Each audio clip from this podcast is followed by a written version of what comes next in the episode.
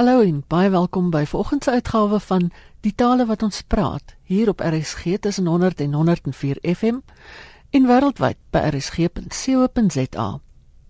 Ons woorde van die week is rinkink en rafot, maar bietjie meer daaroor later.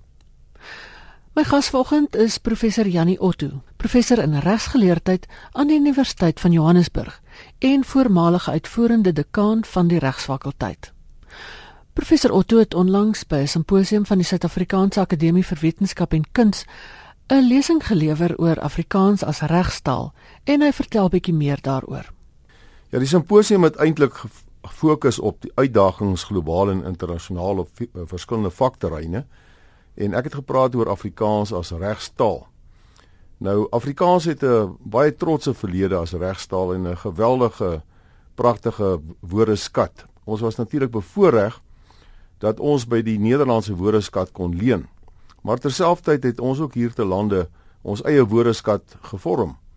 Daar is woorde geskep soos byvoorbeeld wederregtelikheidsbewussyn om maar een te noem wat glad nie eers in die Engelse taalwêreld gebruik word nie en dit word maar gewoonlik omskryf in hofuitsprake. En Afrikaans as regstaal in Suid-Afrika het eintlik 'n baie ou geskiedenis.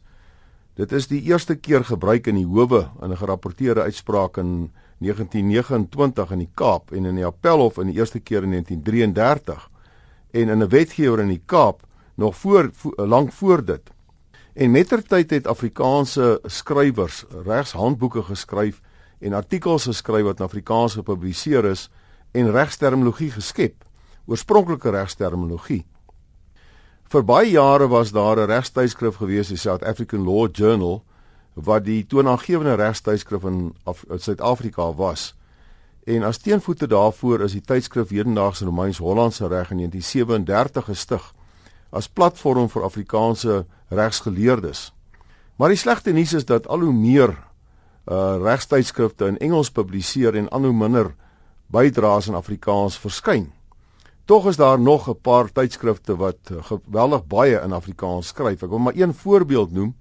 Die tydskrif vir die Suid-Afrikaanse reg wat ook die mees omvangryke regstydskrif in Suid-Afrika is met meer as 800 bladsye per jaar het in die voorafgaande 5 jaar 34% artikels en bydraes in Afrikaans geskryf wat beteken dat, dat daar nog meer as 300 bladsye per jaar in wetenskaplike Afrikaanse vaktaal gepubliseer word wat nie te versmaai is nie. Die uh, goeie nuus, maar daarmee ook saam die slegte nuus is dat hierdie regsartikels wat geskryf word en ook die boeke word grootliks geskryf deur senior Afrikaanse regsakademici. Dit beteken dit is navorsing wat getuig van deurwrogte werk. Die slegte nuus is natuurlik dat die amandelbome bloei en die sprinkane is besig om hulle self toenemend moeisaam voort te sleep. En die jonger geslag Afrikaanse regslui is nie genee om in Afrikaans te publiseer nie vanweë die feit dat hulle meen hulle 'n groter internasionale lesersgemeenskap en ook nasionale lesersgemeenskap uh, werf as hulle in Engels publiseer. Maar daar het tog 'n kentering ingetree in die afgelope paar jaar wat baie verblydend was. Mense vind nou dat al hoe meer Afrikaanse regsgeleerdes van die jonger geslag ook in Afrikaans publiseer. Een van die aspekte wat 'n rol gespeel het in die verband is die totstandkoming van die webtuiste Litnet Akademiese Regte wat hier in 2012 tot stand gekom het en wat op sy webtuiste aandui dat hy net in Afrikaans bydraes ontvang. Nou dit is 'n welkome toevoeging tot die Afrikaanse regsliteratuur. En ek het toevallig met professor Johan Netling gesels wat uh die redakteur daarvan is baie onlangs en daar is al meer as 'n 30 taal bydraes in Afrikaans ontvang vir die tydskrif. En soos ek gesê het wat verblydend is, is dat daar ook nou van die jonger regsgeleerdes is, die van 30, 40 jaar oud wat nou uh, vry algemeen in Afrikaans publiseer.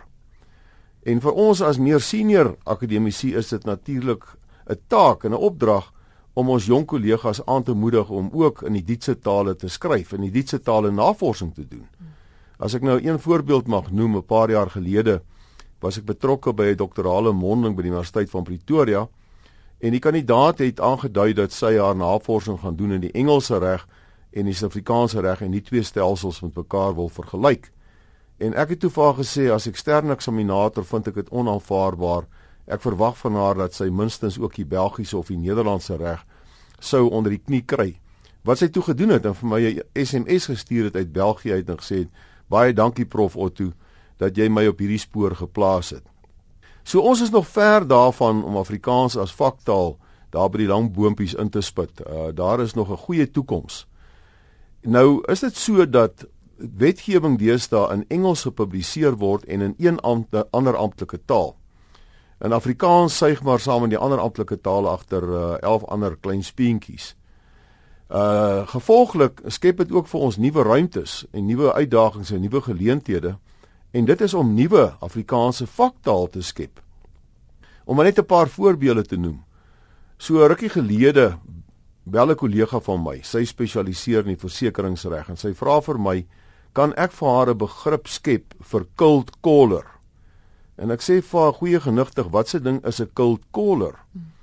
En sy sê dit is iemand wat bel en jou dan oor die telefoon 'n 'n premie aanbied, 'n versekeringspremie sommer so uit die koue uit. En ek het so oomblik nagedink toe sê ek vir haar wat van sluipersmous en sy het toe daai woord gebruik. En so het ons verskillende woorde geskep. As ek nou maar my eie voorbeelde kan noem ek het vir door to door sales het ek drempelverkope geskep en in die National Credit Act word daar baie algemeen die woord gebruik over indebtedness en uh, ek het die begrip geskep oormatig skuldbelas wat ek nou sien die ander kollegas gebruik asof dit tweede natuur is So ons is ver daarvan om uh, Afrikaans as vaktaal te laat vaar. 'n Ander verblydende faktor is dat die regters nog steeds verwys na Afrikaanse akademici se bydraes. Persoonlik het ek dit beleef dat twee regters in onlangse tye in gerapporteerde regspraak uh na my bydraes in Afrikaans verwys het. Die een was Engelssprekend en die ander was 'n swart regter. Maar nou moet ek dit in perspektief plaas. Die Suid-Afrikaanse hofverslae word maandeliks gepubliseer. Daar's verskillende stelle Suid-Afrikaanse hofverslae, maar die meer algemene een wat al baie jare bestaan, bestaan uit so 20 hofsaake per maand, 1820. Dit is nou nie opspraakwekkende sake nie. Dit is sake waar daar presedente geskep is of nuwe beginsels neergelê is of die Romeins-Hollandse reg op 'n nuwe manier toegepas is. En uh ek moet sê dat in die vorige 5 jaar is daar in die ongeveer 1000 sake wat gerapporteer is in die Suid-Afrikaanse hofverslae net 13 in Afrikaans gepubliseer, net 13. Sure. Nou dit is ontstellend. Ja. Die konstitusionele hof het in sy ganse bestaan, sover ek weet, nog net een keer 'n gerapporteerde uitspraak in Afrikaans gelewer en ek dink dit was omtrent 13 jaar gelede. So in ons gerapporteerde regspraak het Afrikaans so as taal sonder twyfel baie agteruit te gaan. Wat natuurlik nie beteken dat Afrikaans nie meer in die howe gebruik word nie. Dit word op groot skaal gebruik in die landdroshowe en in die Hooggeregshowe. En wat meer is, dit sal nog vir altyd gebruik word. Uh die rede daarvoor is eenvoudig, prokureurs stel nog steeds testamente en kontrakte en trustaktes, skikkingsdokumente en dis meer op in Afrikaans en hulle sal in die toekoms maar uitgelê moet word deur regters wat nie noodwendig Afrikaans magtig is nie. Is daar by buitelandse regsgeleerdes of akademici belangstelling in wat in Afrikaans gedoen word? Daar's 'n baie mooi storie wat ek kan vertel, twee eintlik, rondom die belangstelling in Afrikaans in die buiteland. So 'n uh, jaar of 2, 3 terug het 'n Duitse professor, Michael Martinek, wat baie geheg is in Suid-Afrika en dikwels Suid-Afrika besoek ook in die Universiteit van Johannesburg dikwels besoek. In 'n boekresensie van 'n Suid-Afrikaanse regsgeleerde heftig te velle getrek dat die res, dat die skrywer versuim het om na twee Afrikaanse regsartikels te verwys. Wat hy sê die enigste twee artikels van sy soort is, van hulle soort is in Suid-Afrika.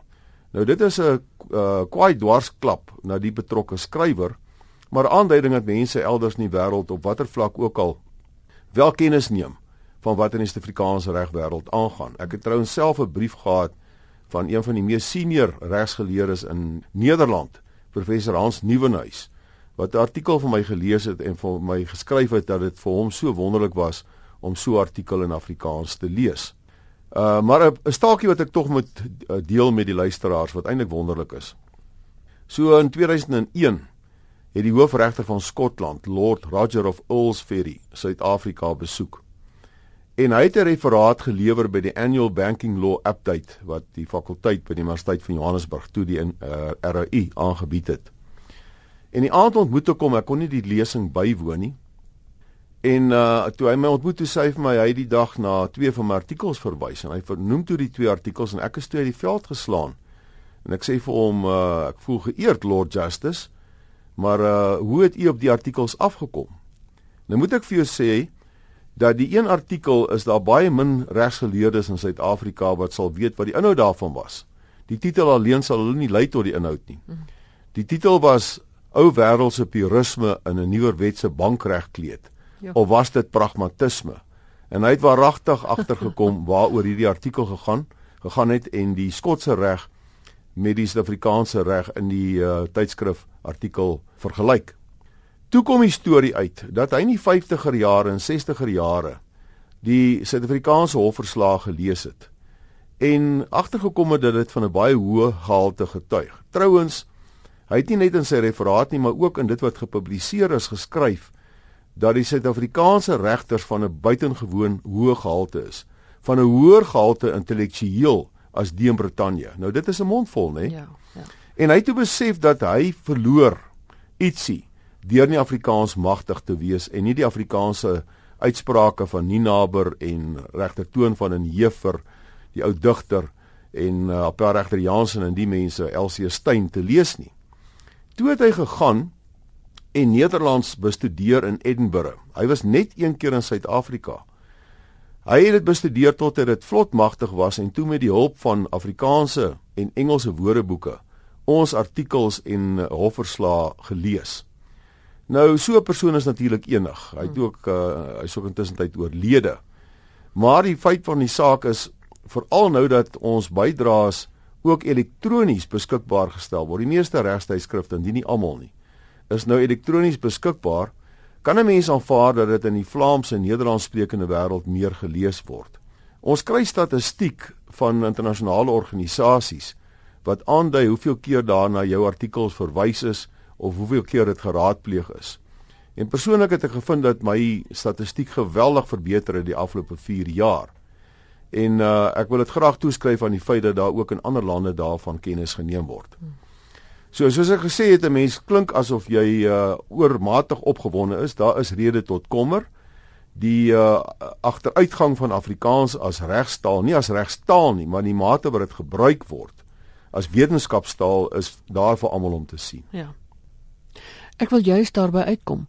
Die argument is toenemend dat 'n mens in Engels moet werk en publiseer om internasionaal gelees te word. Wat jy nou net gesê het, dui op 'n ander siening. Ja, is uit die aard van die saak so dat as 'n mens in Engels skryf, dan uh, het jy 'n groter leserskring. Van my laaste 38 artikels wat ek geskryf het, as ek nou 'n persoonlike voorbeeld mag neem, is 25 in Afrikaans geskryf. Nou natuurlik skryf ek dus ook in Engels en spesifiek wanneer ek dit vir 'n bepaalde gehoor bedoel. Ja. So ons kan nie die feit ontken dat jy 'n groter leserskring het as jy in Engels skryf nie. Waar lê die groter aandrang op Engels en die bedreiging wat dit vir Afrikaanse hoorfunksies inhou? Die wonderlike erfenis van Afrikaans as regstaal. Wat jy skep is 'n droewige prentjie en ongelukkig die waarheid. Uh ek dink die blote feit wat ek genoem het van die statistiek wat Afrikaanse uh regspraak betref en dat dit dikwels natuurlik Afrikaanse regters was en die partye Afrikaans was en die dokumentasie in Afrikaans was dui daarop dat Afrikaans op die hoër gebruiksvlakke besig is om af te neem. Daar is geen twyfel daaroor nie. En dit hou ernstige implikasies in vir Afrikaans as wetenskapstaal en as gebruikstaal in die regsgeleerde wêreld. Ons kan dit nie ontken nie. Uh op hierdie stadium sover ek weet is daar nog geen besluit geneem dat Engels nou die enigste amptelike taal in die howe moet wees nie of skoon daar al 'n paar pogings in die verband was. Maar dat dit 'n optraande stryd is wat vir ons voorlê, die is nie altemit nie. Uh ons vind ook by die universiteit dat heelwat Afrikaans sprekende studente die Engelse klasse bywoon omdat hulle meen dat dit vir hulle in hulle loopbaan bevorderlik sal wees. Ja. Nou uh, ek moet eerlikwaar sê ek het 'n broertjie dood daaraan. My eie dogter is 'n prokureur, my skoondogter is 'n prokureur.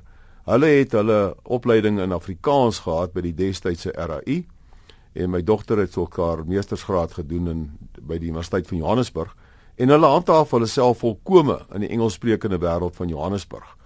De die televisie en die omgewing waarin ons lewe en die Engelswording van die samelewing het tot gevolg dat ons Afrikaanse kinders geweldig tweetalig is. Ja. En uh, ek laat my nie vertel dat jy nodig het om in Engels opgelei te word om 'n goeie prokureur of 'n advokaat te wees nie. Ek ken te veel mense van my ouderdom of iets wat jonger wat in Afrikaans opgelei is en wat uitstekende regsgeleerdes uitmaak in die Engelssprekende wêreld. Hmm. In die anderstalige wêreld wat ek nou ervaring het van Neder Nederland en uh, Duitsland in die besonder het die mense ten spyte van die internasionalisering van die reg en van uh, ander wetenskappe het hulle bly voortgaan om te skryf in, ne in Nederlands en in Duits. Ek is nou nie Frans magtig nie en in Vlaams. En daar's van daardie tydskrifte wat al 100 jaar oud is en meer in Duitsland. En hulle laat hulle nie stuit deur die feit dat die wêreld grootliks uh Engels en miskien mettertyd Mandaryns kan word nie. Hulle het voort te gaan om in hulle moedertaal te publiseer. En uh ek voorsien nie dat in die onmiddellike toekoms ons gaan ophou om dit te doen nie. Daar is 'n te groot deurvloei van uitstaande jong Afrikaanse akademici wat soos ek gesê het, in onlangse tye al hoe meer in Afrikaans skryf. Wel, dit is 'n baie bemoedigende storie wat u van vanoggend vertel het want die prentjie wat ons sien buite is nie ten gunste van Afrikaans nie. Ja, soos ek sê, het miskien fluit ek terwyl ek deur die begrafplaas stap. Dit was professor Janie Otto van die fakulteit regte aan die Universiteit van Johannesburg. En nou is dit tyd vir woord van die week met Dr Willem Botha van die Woordeboek van die Afrikaanse taal.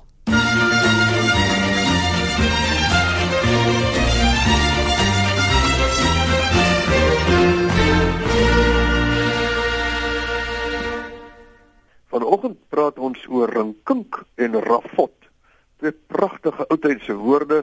Ek weet my ouma het al twee gebruik. Miskien is daar van ons luisteraars wat dit nog gebruik of wie se ouers of grootouers dit gebruik het. Ehm um, altyd kry ons uit die Nederlands rinkink uh beteken om te baljaar of om uitgelate te wees, maar dit ook 'n tweede betekenis en dan nou die betekenis van vyf of feesvier. Ons uh, ons kuier mos 'n bietjie rondom die gedagte van vyf en feesvier vir 'n paar sondae lank. Nou, ehm um, ons kry rinkink uit die verouderde Nederlands rinkinken wat in 1638 opgeteken is, nog voordat Jan van Riebeeck na die Kaap gekom het. Nou Nederlandse ringkinken is 'n klinknabootsende woord wat aanvanklik beteken het om 'n harde geluid te maak soos wanneer glas of metaal aan iets raak.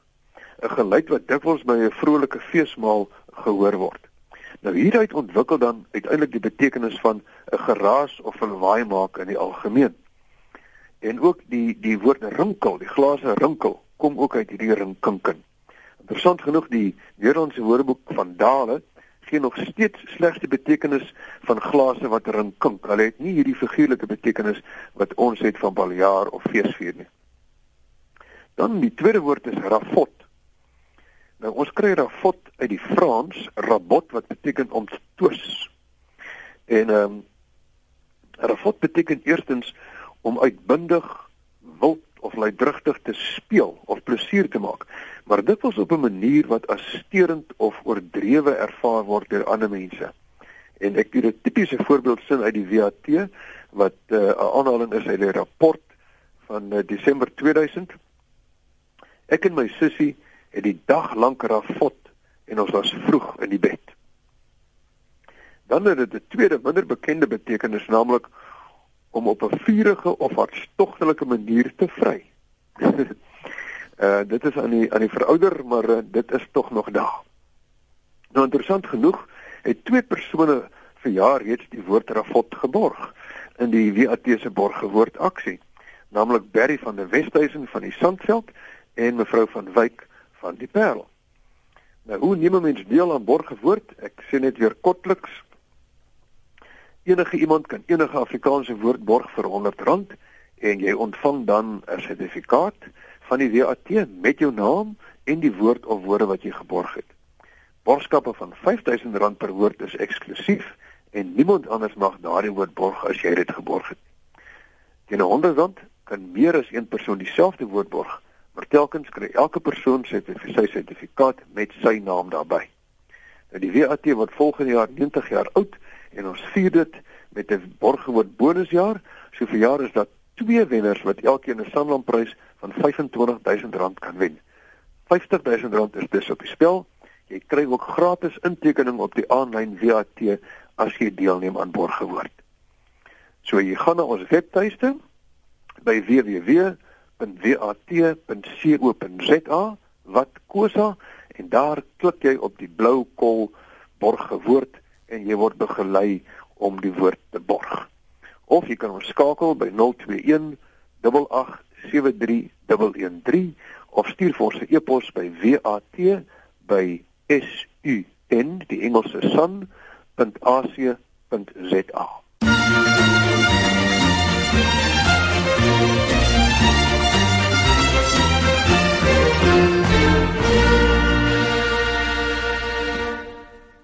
En daarmee is dit tyd om te groet. Ek hoor graag van jou. Stuur gerus my e-pos na strydomjj@sabc.co.za. Geniet die res van die dag in RSG se geselskap en van my Ina Strydom. Groete tot 'n volgende keer.